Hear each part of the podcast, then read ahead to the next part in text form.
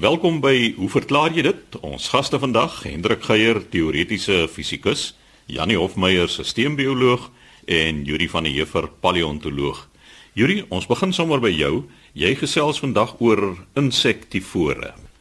Chris, in 'n vorige program het ons 'n vraag behandel van uh, Hanno van Woester. Dit het uh, gehandel oor is mense nie ook diere nie. Nou het ons 'n brief ontvang van Hanno se ouboet, Dani Du Plessis van Woester en hy sê hy het geluister na die antwoorde en daar is toe iets genoem oor insektivore. En wat hy nou wonder is insektivore nie tegnies karnivore nie, want insekte het ook vleis aan hulle lyf. Nou uh, Dani, eintlik is 'n uh, karnivoor nie 'n dier wat uh, vleis aan sy lyf het nie. Hy het wel vleis, maar dit definieer hom nie dit is wat hy eet wat hom definieer. So karnivoor is 'n dier wat hoofsaaklik of grootendeels vleis eet en ons kry die naam van ek dink neem aan dis 'n latynse woord carne. Ons sien dit ook in die uitdrukking cara mia, my hart by 'n uh, goeie hospitaal het jy 'n kardiologie afdeling waar dieselfde woord voorkom, die afdeling waar hartchirurgie gedoen word. En ons kry dit ook in 'n dis Janie, jy's 'n koskenner, jy sal weet van chili con carne wat amper so 'n uh, soort potjie kos is met russies, maar nie sommer enige soort russies nie, want as jy dit ordentlik maak, na my wete die Texas resep, dan het jy omtrent 12 verskillende kruie nodig om uh, die smaak nou uit te bring. En as jy hom nou in Mexiko maak, gebruik hulle gewoonlik varkvleis en Texas beesvleis. En jy kan dit ook met maalvleis maak. Nou mens moet seker dan ook iets sê vir die motorliefhebbers. Iemand wat nog kan onthou van hierdie groot Amerikaanse motors van die 60er en die 70er jare, daai pragtige sportmotor wat deur Carroll Shelby gebou is, die sogenaamde AC Cobra, was 'n ongelooflike voertuig geweest. En net soos Paul Newman die uh, filmakteur lief was vir motorrenne, het Paul Newman ook om in die kosomgewing gewaag en 'n reeks slaaisouse bekend gestel onder sy naam. En toe het Carol Shelby 'n kombinasie van chili kruie ontwerp soos hy dit maak. En die kon mens koop in 'n pakkie dan kan jy nou jou Carol Shelby chili con carne maak. Nou Carol Shelby was blykbaar baie lief vir skerp smake En ons het 'n pakkie van hierdie goed gekry en die chili gemaak en al wat ek kan sê is dat as jy daai chili geëet het, dan het jy gebrul soos 'n icy cobra. Nou, dit is waar karnivoor vandaan kom, diere wat vleis eet en al die bekendes is nou op die lys: leeu's, luiperds, jakkalse, honde, katte, wolwe is almal karnivore, maar daar's ook plante wat karnivore is, soos byvoorbeeld die venusvleevanger en die aasblom, ons bekende aasblom wat dan hulle voedsel aanvul waarskynlik met die stikstof wat hulle kry deur die vertering van hierdie uh, insekte wat hulle vang. Nou die teenoorgestelde daarvan is herbivoor, dis die planteters en daar het ons baie van wildsbokke, skape, beeste, al die diere is plantvreters, maar dan is daar nog so tussenin kategorie wat bekend staan as die omnivore, die allesvreters.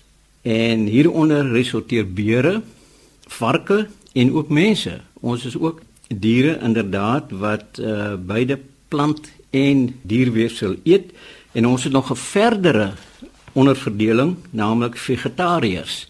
So daar is sekere mense wat hulle begewe in die omgewing van plante, maar nie almal eet dieselfde soort kombinasies van plant en ander voedsel nie. So het kategorieë soos die ovo-vegetariërs wat byvoorbeeld wel eiers eet maar nie melkprodukte nie. Die lacto-vegetariërs eet weer glad nie eiers nie, maar hulle drink melk of gebruik melkprodukte. Dan kry mens die lacto-ovo-vegetariërs wat beide melkprodukte en eiers eet. Sommige van die vegetariërs eet geen vleis nie, maar hulle sal darm so af en toe 'n stukkie vis eet en staan dan bekend as die pescatariërs om vleis te eet. En dan is daar natuurlik die uh, mense wil nie sê die ver regs is nie of die ver links is nie, maar die sogenaamde vegans. En hulle eet geen diereprodukte van geen aard hoegenaamd nie. Nie in olies of enige iets nie. En ek dink die vraag kom dan op is hulle nie bekommerd dalk dat die plante wat hulle eet bemest word met diereprodukte nie. Mens kan nou argumenteer dat dit afbreek tot op die uh, molekulêre vlak en dan opgeneem word in die plante. Maar dit is miskien 'n vraag wat 'n mens vir 'n vegan kan vra. En dan uh, Dani, jou idee van die insektivore, dit is beslis 'n soort karnivoor want hulle eet vleis, daai bitsprankaan wat geëet word, het spiere, het inderdaad vleis in sy lyf om sy bewegings moontlik te maak. So hulle eet hoofsaaklik insekte of uitsluitlik en daar kry mense sulke goed soos muurvreters wat net mure eet, paddas, akedisse, vleermuise onder die soogdiere en dan nagapies, die galago wat insekvretend is. En laastens natuurlik, jy kry mense wat insekte eet want as 'n mens nou in Bybelse tye lees jy van mense wat gaan mediteer het in die woestyn vir hoe lank ook al 40 dae of 40 nagte en dan van insekte of sprinkane geleef het. So die die eet van insekte by mense kom al 'n lank pad. Ons het in uh, in Afrika het ons die gewoonte om opaniewurms te eet as hulle gerooster is. So om vir mense om insekte eet is ook nie vreemd nie en ek glo dat by van die uh, meer luukse restaurante in New York het dit 'n bietjie van 'n kultus ding geword om insekte te eet. Jy kan mure kry wat in sjokolade gedoop is en dit dan teen hoë koste eet. So mense kan ook dan praat van die omnivore mense wat ook insekte as deel van hulle dieet gebruik. So insektivore, Dani, is heeltemal korrek, is karnivore, maar 'n spesifieke soort karnivoor. So sê Yuri van der Heever, ons paleontoloog. Jannie, 'n luisteraar worstel met die kwessie dat hy soms voel iemand staar vir hom. Nou partykeer gee mens nie om as dit 'n mooi vrou is wat vir jou staar nie, maar dit kan dalk ongemaklik raak. Dankie Chris, dit sluit ook aan by die vraag wat uh Wynand Besuiden uit hier van Bloemfontein gestuur het. Sy vraag is hoe verklaar mens dit dat wanneer jy eers in die openbaar sit, kan mens voel dat iemand stip na jou kyk? En hy het nou 'n mooi verhaal wat daarmee saamgaan. Hy sê hy is 'n man, hy's 65 jaar oud en hy het verlede jaar gaan uit eet saam met 'n vriend en sy vrou. Hy sê sy vrou het nou nie veel erg aan die soort vertonings nie soos hy was by die huis die aand en hy was sonder vrou. So die mense sit by tafeltjies om 'n verhoog sê hy en elke nou en dan voel hy hoe iemand se oë op hom brand. En as hy soontoe kyk, dan kyk hy in 'n dame se oë vas en sy glimlag vir hom. Daar was egter eintlik twee dames, een regs en een so eentjie na links en elke keer voel hy dat hulle oë so op hom brand. Hy sê hy het erg gevlei gevoel en hy het al begin dink aan al die moontlikhede. Hy hoop nou egter daar is 'n verklaring daarvoor. Nou Wynand, Dis 'n baie interessante vraag want ek dink dit is iets wat almal van ons waarskynlik al iewers ervaar het. Die bestudering van die verskynsel kom eintlik 'n lang pad. Die eerste persoon wat daarna gekyk het is 'n baie bekende sielkundige, Edward Titchener. En hy het in die tydskrif Science in Desember 23 van 1898 het hy geskryf 'n artikel met die titel The Feeling of Being Stared at. So hy bespreek daar 'n gevoel wat so gesê het bekend is aan baie van ons dat iemand agter ons rug na ons staar. Ons sê baie keer my nekhare kriewel as iemand so na jou kyk of jy voel dat iemand na jou kyk. En volgens Titchener is die primêre rede vir hierdie gevoel die feit dat almal van ons tot 'n meerdere of 'n mindere mate senuweeagtig is oor ons rugkant waar ons nie kan sien nie. Hy vertel van 'n vriend wat tydens danslesse dit so pynlik ervaar het as hy sy rug op die dansinstrukteur gedraai het selfs in 'n privaat les en dat hy werklik verlig was wanneer die instrukteur sy rug op hom gedraai was. So Titchener het nou 'n verklaring vir hierdie verskynsel en hy sê dit is eintlik 'n selfvervullende soort van voorspelling. En hy verduidelik dit as volg. Hy sê kom ons sê ek sit voor in 'n kamer vol mense en ek kry die gevoel iemand kyk vir my van agter af. Dit laat my dan begin rondkruiwel. Ek kyk miskien sydelings en trek so die aandag van mense en as ek dan omkyk en sien mense staar vir my, dan word my gevoel bevestig. En hy het selfs 'n paar eksperimente gedoen waar hy tot die slotsom gekom dat die gevoel dat iemand na jou staar 'n illusie is. Hy sê egter nou nie hoe hy die eksperimente gedoen het nie. Dit was nog nie goeie ou dae toe 'n wetenskaplike kon sê jy kan my vertrou dat ek die eksperiment reg gedoen het. Maar daar het toe vir 15 jaar gebly. Totdat 'n ander sielkundige met die naam van J.E. Coover in 2013 'n artikel met dieselfde titel as Titchener se in die tydskrif The American Journal of Psychology gepubliseer het. So Coover se eerste bevinding was dat op grond van 'n hele lang reeks vraelyste die meerderheid mense sê dat hulle wel hierdie gevoel ervaar. So dit is 'n werklike verskynsel volgens hom. En toe het hy 'n baie elegante eksperiment gedoen om te wys dat hierdie gevoel blote illusie is, net soos wat Teacher dan nou ook bevind het. So hy het sy eksperiment gedoen met 10 mense wat gesê het dat hulle glo dat hierdie gevoel werklik veroorsaak word deurdat iemand agter hulle rug na hulle staar. En die eksperimentele opstelling was nou as volg: Die proefpersoon het met sy rug gesit na Coover en Coover het dan op grond van die val van 'n dobbelsteen vir 15 sekondes na die persoon gestaar as die dobbelsteen onewe was en as dit ewe was het hy vir 15 sekondes nie gestaar nie. En na elke 15 sekonde oefening het die persoon dan gesê of hy of sy gevoel het dat daar gestaar is of nie. En met elke proefpersoon het hy nou 100 herhalings gedoen van die van hierdie eksperiment. En hy het gevind dat met dieselfde persoon die dobbelsteen nou vir 51,8% onewe geval het En dit wys natuurlik dat die staar en die nie-staar toetse self ewe kansig was. En dan op grond van die antwoorde het die proefpersone 50.2% van die tyd reg geraai dat daarna hulle gestaar is, met ander woorde weer 'n 50-50 situasie wat weer eens bewys dat die verskynsel 'n illusie is. So so eintlik 'n baie elegante stel eksperiment of klein eksperiment wat wys dat die hele storie eintlik nonsens is. Behalwe dat mense dit wel voel.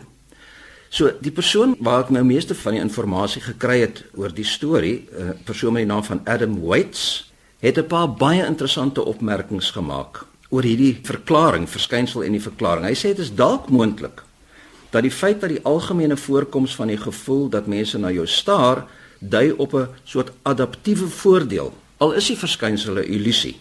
Hy sê as almal van ons dink dat ons deur ander bekyk word, dan sal ons meer geneig wees om by die reëls te bly en sosiale norme volg. Met ander woorde, die verskynsel dwing tot 'n mate etiese gedrag af. En dit sluit eintlik baie mooi aan by 'n artikel deur twee persone met die naam van Noren Zayan en Sharif wat verduidelik waarom groter samelewings waar dit nou nie langer moontlik is dat almal almal se gedrag monitor nie. Die samelewings is meer geneig om te glo in een of ander bonatuurlike wese wat hulle dan sou dophou. So miskien is die gevoel dat iemand vir jou staar 'n sekulêre bygeloof wat dieselfde funksie vervul. So byna dis die een van my storie, maar ek moet sê ek ek ek, ek moet dus tot die gevolgtrekking kom dat die dames wat gereeld jou oog gevang het, die rede was omdat jy so aantreklike kerel was waarskynlik en nie as gevolg van een of ander telepatiese verskynsel nie. So sê Jannie Hofmeyer, sisteembioloog, volgende aan die beurt, Hendrik Geier, teoretiese fisikus. En Hendrik, jy gesels onder andere oor 'n skadu op die maan en dan kwantummeganika. Ja, dankie Chris. Leni Brink het vir ons 'n e-pos gestuur en sy het nou weliswaar nie gesê dat sy na die maan gestaar het nie, Jannie, maar sy het 'n foto saamgestuur van die maan wat sy met haar selfoon geneem het en sy beskryf hoe sy op 'n plaas in Lephalale, ek neem aan sy kom van daardie wêreld in die skemer gestap het en wat sy beskryf as 'n snaakse halwe maan raak gesien het en toe die foto geneem het en sy sê dit was vir my snaaks omdat die skade weer van die aarde wat op die maan val reguit was en nie gerond nie. En sy dink dit was die eerste keer dat sy ooit so 'n halwe maan gesien het. En verder noem sy dat sy spesifiek met die nuwe maan vroeër in die siklus die mooi helder sekel raak gesien het wat groei en die reguitskade weer was vir haar in 'n redelike groot kontras met wat 'n mens sien wanneer jy die sekelmaan sien. Nou Leni, ek dink dit gebeur nie te ondikwels nie dat 'n mens na dinge kyk en nie regtig inneem wat jy sien nie en wanneer jy dit vir die eerste keer inneem, dan dalk tot die gevolgtrekking kom dat jy wel vir die eerste keer sien wat jy sien. So as jy ooit tevore gekyk het na die halwe maan, sou jy beslis ook gesien het dat die skade weer reguit is want waar jy 'n fout maak met jou interpretasie is om te dink dat wat 'n mens as die skadu op die maan raak sien iets met die aarde te maak het. Dit is beslis nie die geval nie. Hoekom 'n mens 'n skadu en 'n ligdeel van die maan in die eerste plek raak sien het daarmee te maak dat jou siglyn na die maan en die rigting waaruit die son op die maan skyn deur die gewone maansiklus verander.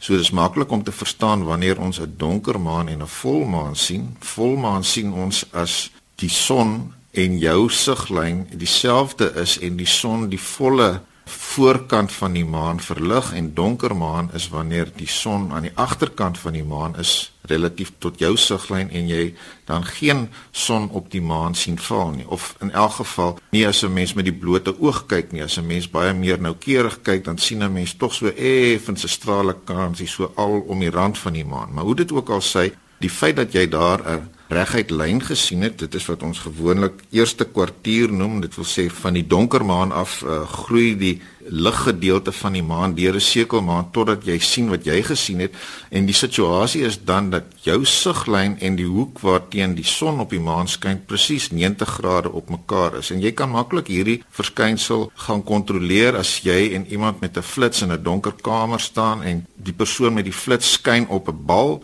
en julle varieer die hoek tussen julle, met ander woorde, die hoek tussen jou siglyn na die bal en die lyn waarteen die flits op die bal skyn, sal jy presies hierdie verskynsel sien. So, jy kan maar oplet as dit weer volgende keer van donker maan af groei na eerste kwartier of van volmaan af deur die derde kwartier na donker maan, gaan jy beslis weer presies dieselfde patroon sien, naamlik 'n reguit lyn. Nou interessant om miskien net te noem dat jou foto wys die linker helfte van die maan verlig. Dis by eerste kwartier in die noordelike halfrond is dit natuurlik omgekeer. So eerste kwartier sien 'n mens daar die ligkant van die maan aan die ander kant. En mense moet byvoeg dat die presiese oriëntasie van daardie lyn is 'n funksie van die breedtegraad. Met ander woorde, hoe ver jy van die ewenaar is. Om die waarheid te sê, dit kom miskien as 'n bietjie van 'n verrassing as 'n mens jouself die vraag afvra hoe lyk die fases van die maan wanneer jy by of naby die ewenaar is? Dan is dit so dat eerste kwartier en derde kwartier se ligstreep eintlik horisontaal sit eerder as vertikaal soos ek gesê het dit is 'n funksie van die breedtegraad so dit is nie noodwendig op 'n spesifieke breedtegraad 'n volledig vertikale lyn wat jy sien nie maar omdat 'n mens vinnig kyk en nie veel daaroor oordeel nie dink jy gewoonlik in die suidelike halfrond ten minste by breedtegrade soos wat ons hier in Suid-Afrika is, dat jy sien 'n vertikale lyn. So as jy dalk die geleentheid sou hê om dieselfde ding waar te neem naby die ewenaar, dan sal jy sien dat by eerste en derde kwartier dit onderskeidelik die bokant en die onderkant van die maan is wat verlig gaan word eerder as die linker en die regterkant. Chris, dan het ek hier 'n skrywe gekry van Ernst Ferreira van Nylstroom of Modimolle.